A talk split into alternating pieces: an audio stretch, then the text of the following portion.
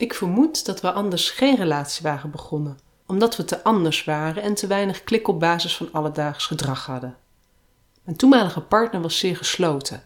Het appen via Tinder leek te helpen voor haar om contact te leggen. Maar uiteindelijk waren we verbaal te verschillend. Dat was waarschijnlijk bij traditioneel hofmakerij eerder duidelijk geworden.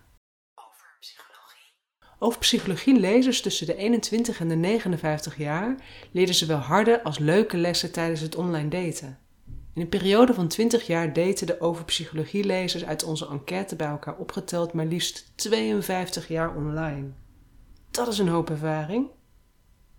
Veruit de meeste respondenten daten terwijl ze single zijn en daten dankzij seriële monogamie dus op en af. Ze daten via verschillende sites zoals Christian Match, Roots Dating, Adult Match, Novamora, Happen, Tinder, Relatieplanet, e-matching en Parship. Bij elkaar opgeteld en soms ook individueel hebben onze lezers al zo'n ongeveer alle datingsites gehad. Zij zochten daar afwisselend naar een avontuur of een leuk contact. Maar de meeste, 66%, zocht toch wel naar hun partner for life.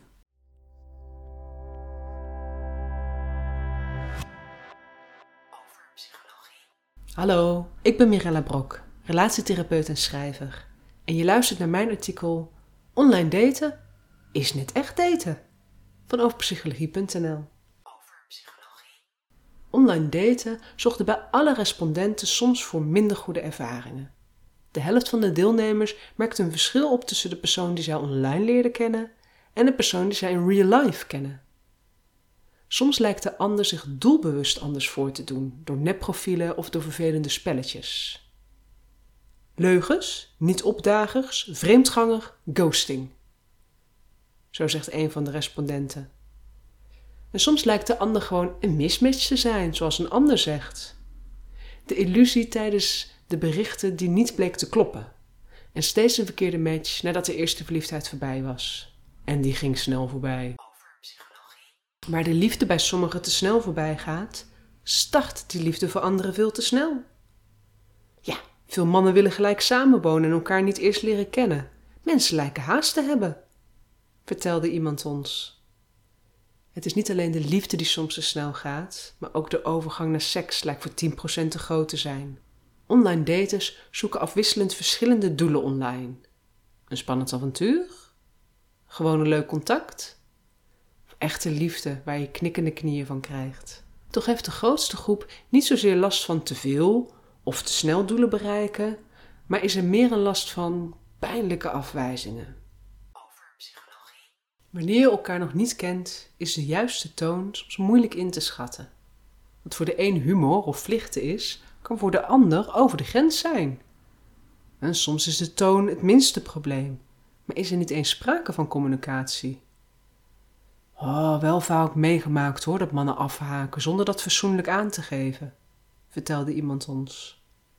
Slechts één respondent is zich bewust zelfs soms ook een hartebreker te zijn afgewezen worden, afwijzen, eenzaamheid. Over psychologie. Zo is er na 52 jaar ervaring heel wat leed opgelopen. Met deze vervelende ervaringen gingen de overpsychologielezers verschillend om. De meeste kwamen tot oplossingen die voor hen werkten. Bijvoorbeeld, het is het best om niet te lang te mailen of te chatten, maar zodra er een soort van klik is, in real life af te spreken.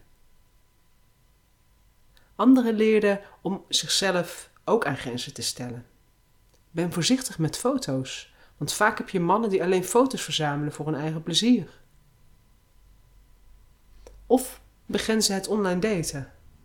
Ja, toen via andere kanalen het daten is gegaan, voelde dat een stuk beter. Sommige respondenten komen tot een verandering in zienswijze. Zo veranderde de kijk op relaties. Iemand zegt: een relatie hebben is het doel ten koste van alles. Bij 20% veranderde de kijk op de medemens. Er zit tegenwoordig veel raar spul met de verkeerde bedoelingen tussen.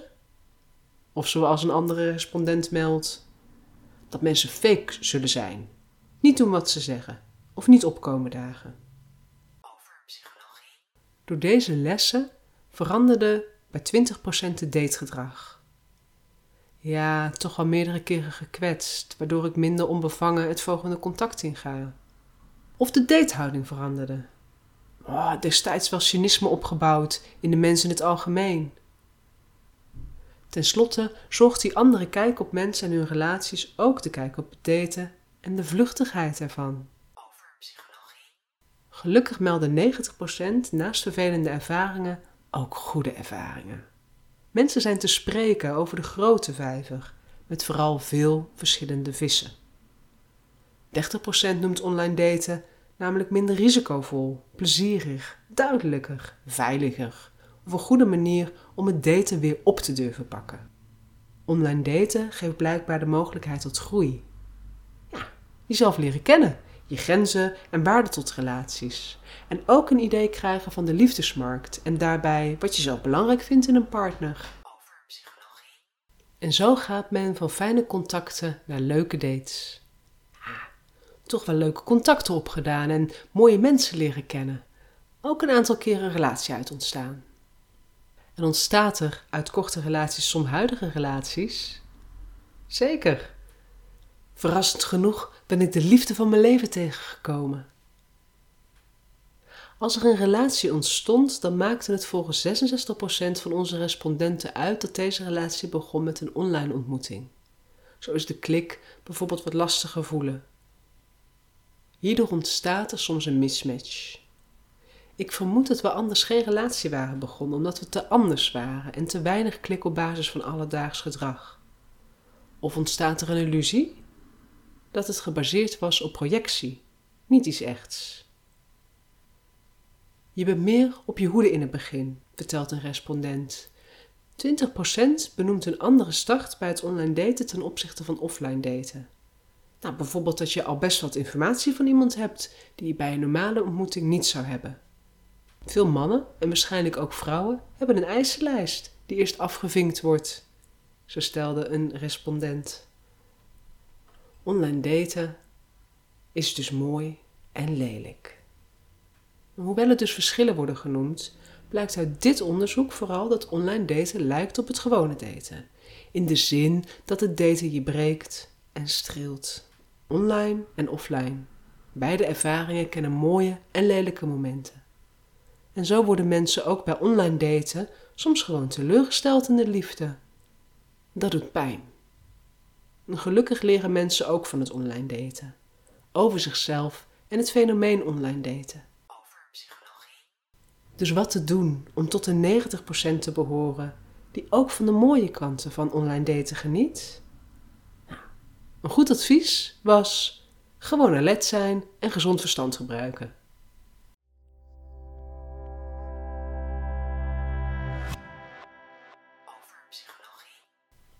Via deze weg wil ik alle respondenten bedanken die de moeite hebben genomen om de enquête anoniem in te vullen.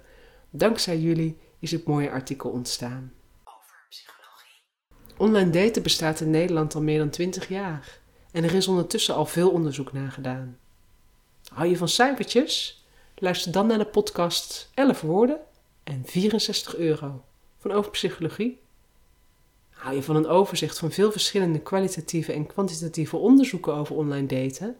Lees dan ook eens Ineffectief daten van Over Psychologie.